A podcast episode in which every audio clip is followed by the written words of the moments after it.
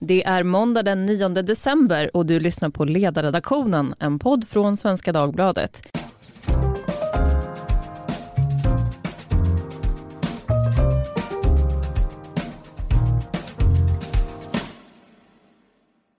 Jag heter Lydia Wåhlsten och idag ska vi prata om helgens regeringsrabalder. Ett tag såg det ut som att vi skulle få en misstroendeomröstning mot arbetsmarknadsminister Eva Nordmark. Bakgrunden är att Vänsterpartiet tycker att avregleringen av Arbetsförmedlingen är en kaos privatisering. Men istället blev det som man misstänkte. Regeringen och januaripartierna går kritiken till mötes och slopar kravet på fri etableringsrätt för företag som erbjuder stöd och matchning till arbetssökande, den så kallade LOVen. Dessutom så skjuts hela reformen av Arbetsförmedlingen fram i tiden med ett år.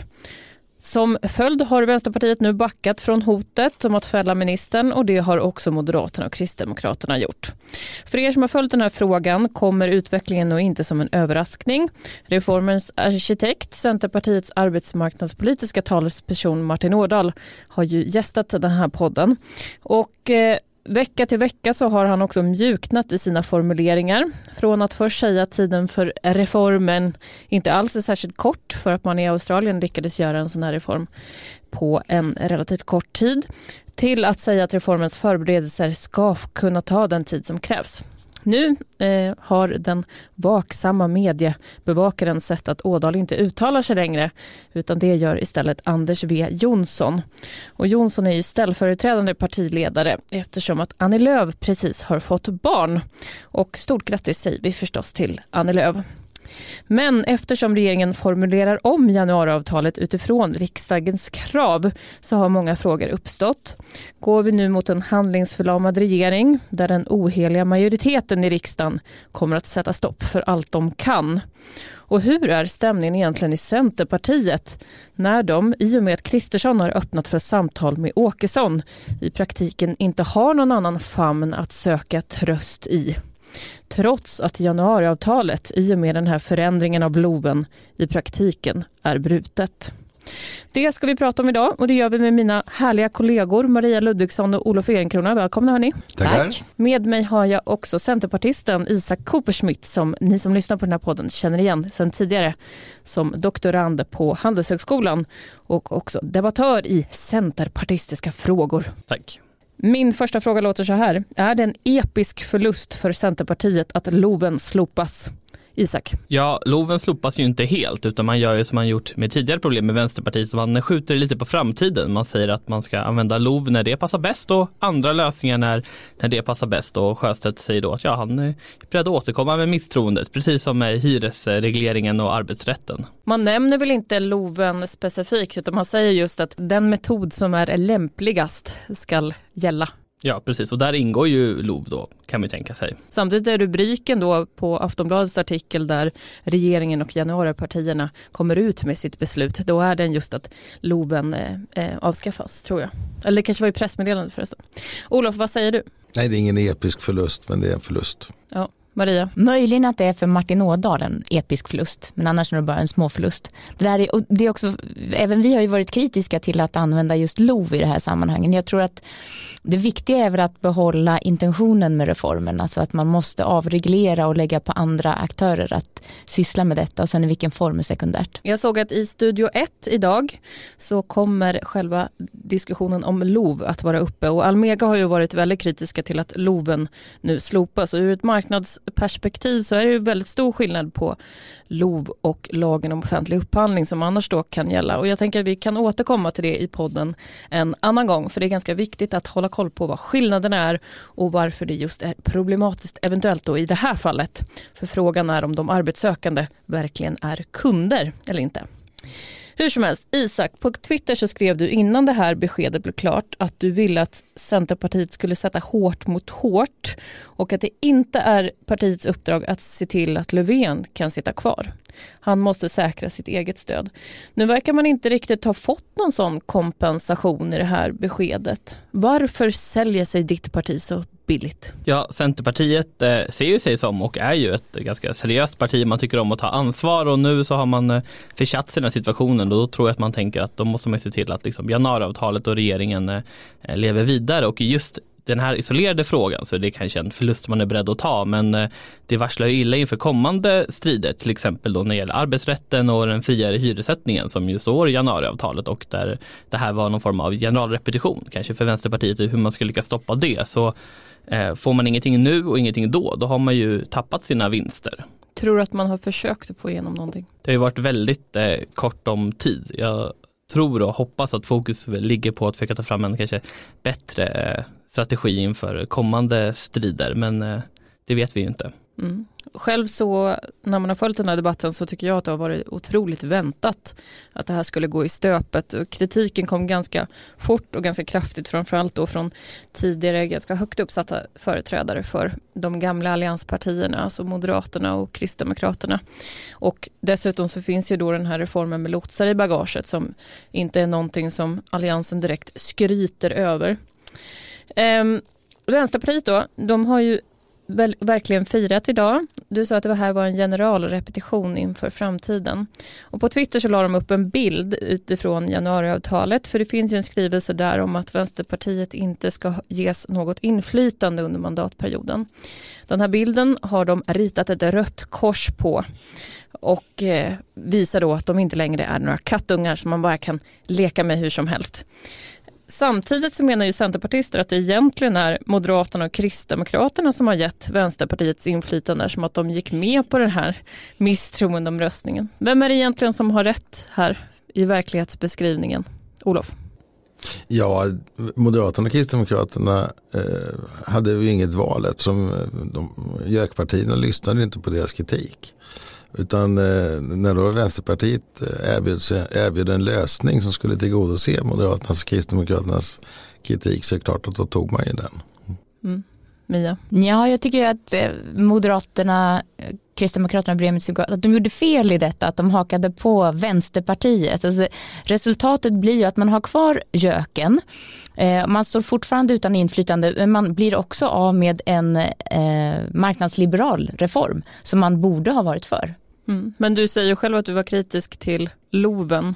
Ja, den, ja precis. Jag är, inte upp, jag är inte övertygad om att det är den optimala formen för detta. Men nu blir det ju uppskjutet och det här är ju också, det här är bara det första som kommer. Alltså Vänsterpartiet har ju skyldighet mot sina väljare att stoppa varje eh, inslag. Både eh, förändringar av LAS men också marknadshyror som kommer sen. Så risken är just detta att det enda vi får det är en gök som cementerar Socialdemokraterna i, i maktställning men inga liberala inslag. Ser du också den risken Isak att nu har det blivit precis som kritikerna varnade för att Centerpartiet säljer sig billigt men sitter fjättrade vid Löfvens barm? Ja, så det beror ju lite på, i alla fall om man kollar under den här mandatperioden vad M och KD väljer att göra. Vi har sett ju att KD, de var ju ute och kritiserade att man avskaffade värnskatten nu som är ute och kritiserade LOV, vilket ju är lagen som gett oss möjligheten att välja eh, läkare och vårdcentral. De fick såga den totalt så att de går ju väldigt, väldigt hårt ut. Och frågan är ju om M och KD kommer ge Vänsterpartiet den här möjligheten att eh, stoppa friare hyressättning och andra borgerliga reformer framöver. För det mm. vet vi ju inte. Mm. Alltså, jag tror man måste eh, förstå det här utifrån kontexten att Moderaterna har ju erbjudit Socialdemokraterna att göra upp i ett antal tunga frågor och sen har Socialdemokraterna avvisat detta eller myglat bort det som i försvarsfrågan. Eh, och det är klart att det som då skiljer eh, de tidigare scenarierna från det här det är ju att nu vänster, kom Vänsterpartiet med ett förslag som innebar en direkt acceptans av den moderata kristdemokratiska eh, kritiken. Och då säger Moderaterna att, och Kristdemokraterna att ja det är klart, tycker vi lika så röstar vi lika. Eh, och det är ju, det är ju, frågan är ju om, om, om eh, Vänsterpartiet klarar av att göra en motsvarande operation i andra, i andra frågor. Det vet vi inte.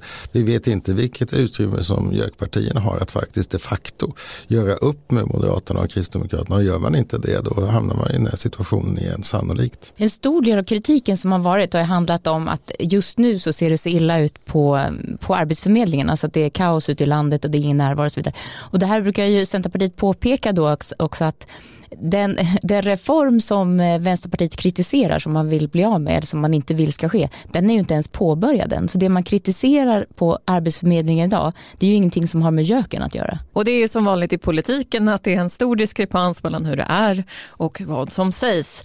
Så på det sättet är det inte konstigt.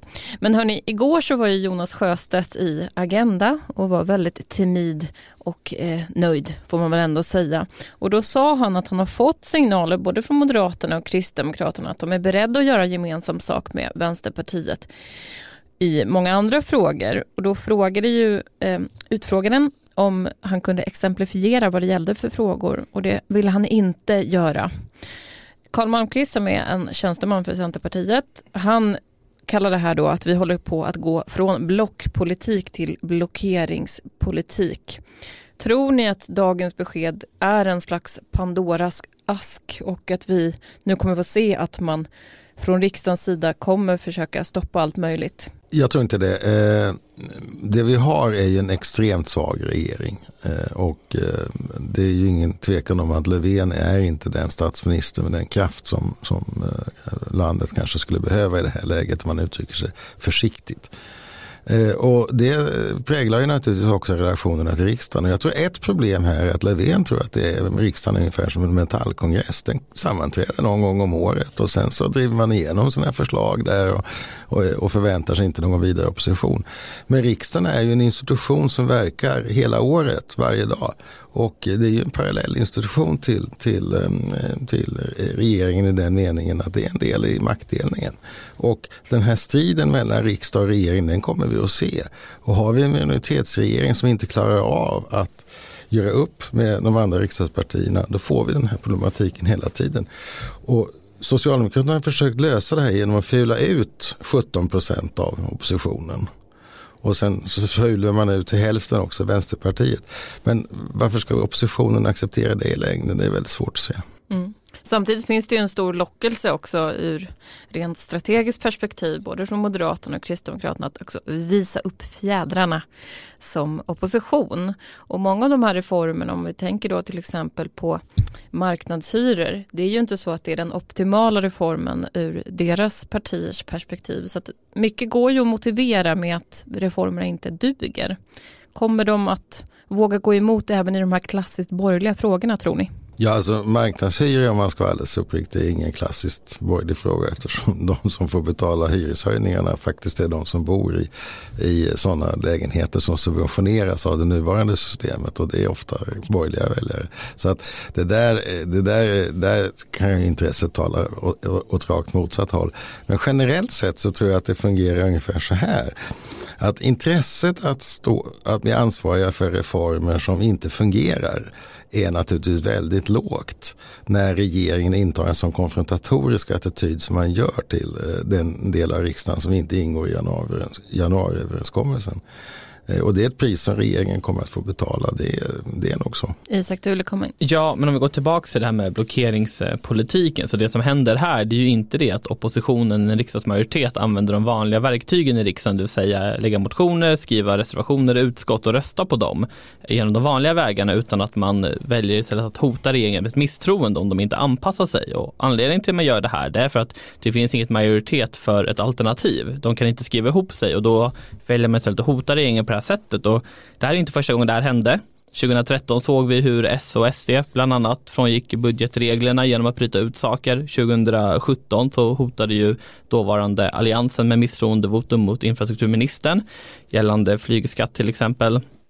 Så att det här har ju liksom pågått under en längre tid hur man liksom har monterat ner de här liksom processerna och ramverken för hur de här sakerna ska ske. Så att jag menar det här är ju bara nästa steg på, på, på den vägen. Du tror inte att man kan eh, gå tillbaka då att då den, eh, oppositionen kan hitta de gamla formerna och komma överens i utskotten? Att Vänsterpartiet skulle våga prata med Sverigedemokraterna på sikt och att man faktiskt då kan bilda majoritet i ett utskott? Det bygger ju på att det finns någonting att bilda majoritet kring. Det problemet med Arbetsförmedlingen nu är ju att man kan skylla på varandra men det fungerar inte nu, det fungerade inte för två år sedan och det fungerar inte för fem år sedan. Man måste göra någonting och det är lätt att hålla på och hota om att avsätta regeringar och ministrar om man inte gör, om man inte stoppar olika grejer men någonstans måste det ju bildas någon form av eh, koalition som kan driva igenom en förändring mm. på riktigt. Man skulle ju kunna rent politiskt vara lika klinisk som vi har varit när vi har, när vi har kommenterat eh, Sverigedemokraterna och Moderaternas samtal.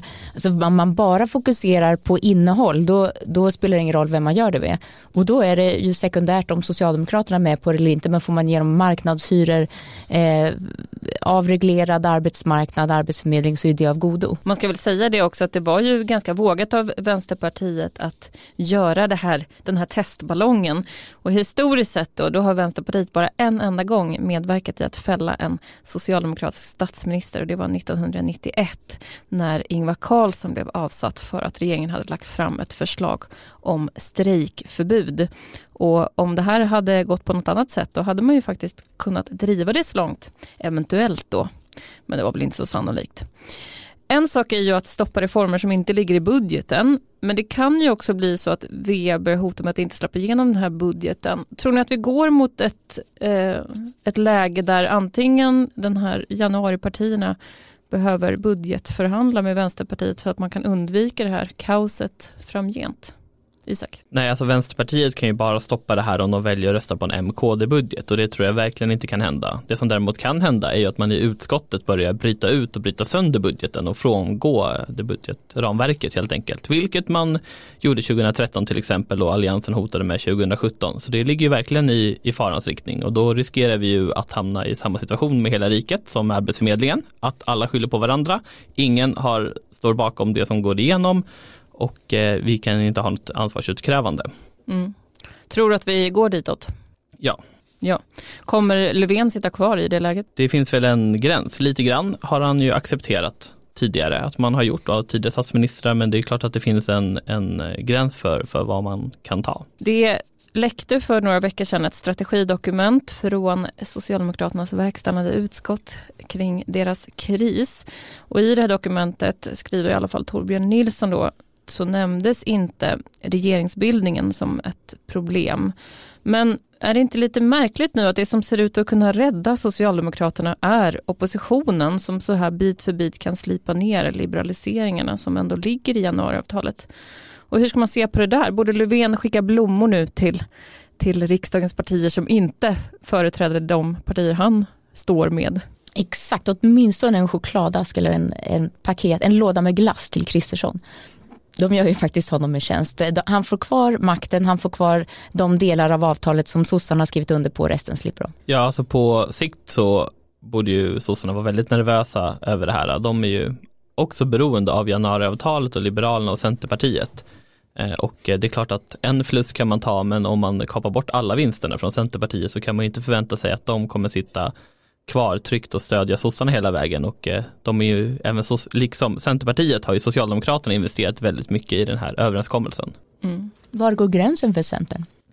Ja, det vet jag faktiskt inte. Men eh, nu så gör man ju bara ett, ett, mindre avsteg på den här reformen. Den ska ju ändå bli av, man ändrar lite grann och så, men jag tror att börjar man plocka bort eh, liksom hela reformer så tror jag att det kommer vara väldigt svårt att motivera. Men det tror jag inte kommer att inträffa utan, utan det blir en modifiering av reformen. Och det, det är ju det som har skapat det psykologiska problemet här i de andra frågorna med gängbrottsligheten och med, med kärnkraften och sånt. Att regeringen har varit fullständigt rigid i sin uppfattning.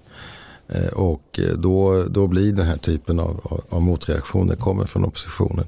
Jag tror inte heller att, jag tror faktiskt inte att man kommer att eh, avvika från budgetregelverket utan jag tror att det ligger i allas intresse att, att använda sig av det också i fortsättningen.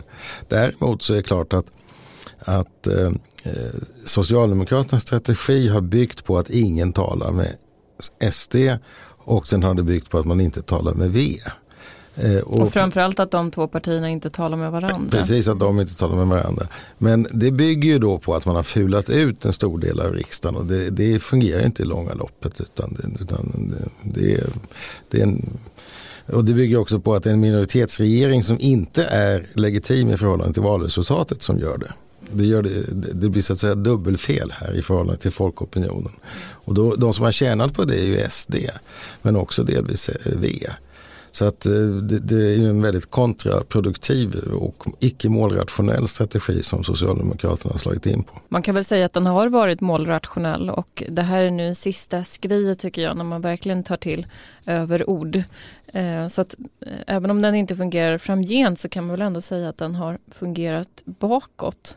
Ja men den har förutsatt att man sätter makten före politiken och det är det som är Socialdemokraternas långsiktiga problem. Centerpartiet då har ju ganska få vänner kvar. De stödjer en regering som ligger väldigt långt från dem sakpolitiskt och deras partner in crime, Liberalerna, de brottas ju med en väldigt svag opinion och samtidigt till höger i alla fall min bild att man upplever att det är ett enormt svek från Annie Lööfs sida och att eh, ja, Centerpartiet ses inte på med särskilt blida ögon i de här undersökningarna också så ligger de ju försvinnande nära nu hur man ser på Sverigedemokraterna. Går det att vara ett framgångsrikt parti i svensk politik på sikt när man är på en sån här öde ö? Isak? Tittar man på hur, vart opinionen är på väg så är vi på väg mot en situation där varje majoritetskonstellation måste innehålla antingen Socialdemokraterna eller Sverigedemokraterna. Och då finns det såklart tre möjliga alternativ, en, en till vänster, en till höger eller, eller en, en i mitten. Och eh, nu när Kristersson har öppnat upp för att samarbeta med Sverigedemokraterna och samtala med dem så kan man ju se framför sig att han kanske försöker skapa sig någon form av eh, regering som vill förhandla åt olika hållen och då har man ju kanske två möjligheter för Centerpartiet i alla fall att gå åt men det är väldigt eh, eh, oklart. Mm. Du, du ser det inte som ett slutgiltigt farväl nu från Kristerssons sida? Att han försöker hitta en regeringsbildning som som faktiskt kan stå för sig själv. Jag tror att eh, någonting man ska lära sig om inte, och inte tidigare så nu att vad politiker säger gäller i stunden kanske inte riktigt gäller eh, nästa mandatperiod. Gäller det också din partiledare Annie Lööf? Ja absolut, alltså hon, vi gick ju till val på att uh, välja Ulf Kristersson, vi gjorde andra löften också, de kraschade med varandra och man var tvungen att, att, välja. Vad säger ni andra då om Centerpartiets framtid? Jag skrev ju efter januariöverenskommelsen att uh, Centern har förlorat sitt uh, sociala, de, sin del i det sociala sociala kapitalet i alliansen. Och det sociala kittet har lösts upp. Och därmed så är det ingen som talar väl om Centern i svensk politik längre. Eh, och det är klart att det är ett problem om man har mellan 8 och 10 procent så är det ett problem. Alltså jag gillar ju Centerpartiet som idéparti men jag har väldigt svårt för den här rörelsen mot Socialdemokraterna att man återigen lät sig spelas av det stora gamla maktpartiet. Man, först fick man intryck av att ja, de har ändrat sig, idépolitiskt är de intressanta och så visar det sig att de är precis lika dana som de alltid har varit. Tycker du då att det skulle ha varit bättre att ställa ett riktigt hårt krav här och bara brutit upp januariavtalet? Ja, alltså, I synnerhet om man utgår ifrån vilka politiska idéer som är viktigast eh, så borde de ha gjort det. Vad tittar ni särskilt efter här framöver? Det är ju ganska turbulenta tider i svensk politik. Det är svårt att hänga med. Jag kunde bara notera att jag var med i Godmorgon världen i söndags och på kvällen då var det Agenda och egentligen redan efter några timmar så har ganska mycket förändrats i någon mån. Men eh, vad håller ni koll på här framöver? Jag vill gärna höra lite mer om vad som kom ut ur eh, samtalet. Det var ju ingen lunch, det var ett samtal där mellan Sverigedemokraterna och Moderaterna det blir ju intressant att se vad Centerpartiet kommer att kommunicera framöver och vilken strategi man lägger, lägger fram för att hantera det här i framtiden för att inte få ytterligare förluster. Kommer de kunna hålla kvar vid det här att Vänsterpartiet inte har något inflytande över januariavtalet? Jag såg att i pressmeddelandet då så skrev man att ja, nu har vi gått Moderaterna och Kristdemokraterna till mötes. Väldigt noga med att inte ens nämna partiet vid namn. Just det där tror jag är en sak som mest intresserar eh, moderater och centerpartister på Twitter. Olof, vad håller du koll på? Jag kommer att titta på hur Socialdemokraterna hanterar väljarflykten till SD. För det är, det är det som intressanta som händer på vänstersidan i svensk politik just nu. Mm. Du tror att de kan ändra sig från det här fascismen är nära språket? Ja, jag tror att de måste ändra sig eh, om de vill ha tillbaka de väljarna som har dragit. Eh, då måste de nog ändra sig. Ja, nej, men det, det, det som är den, den, den, olösta ekvationen här det är ju det faktum att, och det skriver Olle Svenning om i Aftonbladet, det är ju att socialdemokratiska väljare går direkt till Sverigedemokraterna och sen blir de smädade av sin egen, sin egen partiledning för detta. Eh, och då är liksom frågan hur löses den ekvationen upp?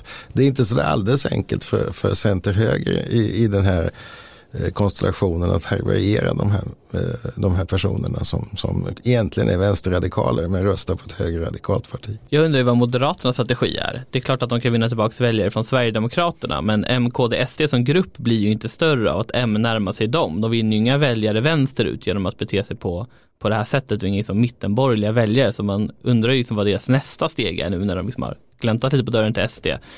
Vad kommer de göra? Jag tror ju att man sitter ganska nöjda hos Moderaterna. Jag tror att det är ganska bekvämt att man ser ett SD som tappar från S samtidigt som Sverigedemokraterna är väl medvetna om att de inte i det här läget kan ingå i någon regering. Så jag tror faktiskt inte det är ett så jättestort problem för Moderaterna med sina opinionssiffror just nu. Och sen är ju frågan då om man lyckas definiera upp några gränser så att Liberalerna kanske kan känna sig bekväma att kliva tillbaka till någon slags gemenskap. Men hörni, där måste vi tyvärr avsluta för idag. Jag säger stort tack till Maria Ludvigsson, Olof Ehrenkrona och Isak Koperschmidt. Hör av er som vanligt på ledarsidan svd.se. Hej då!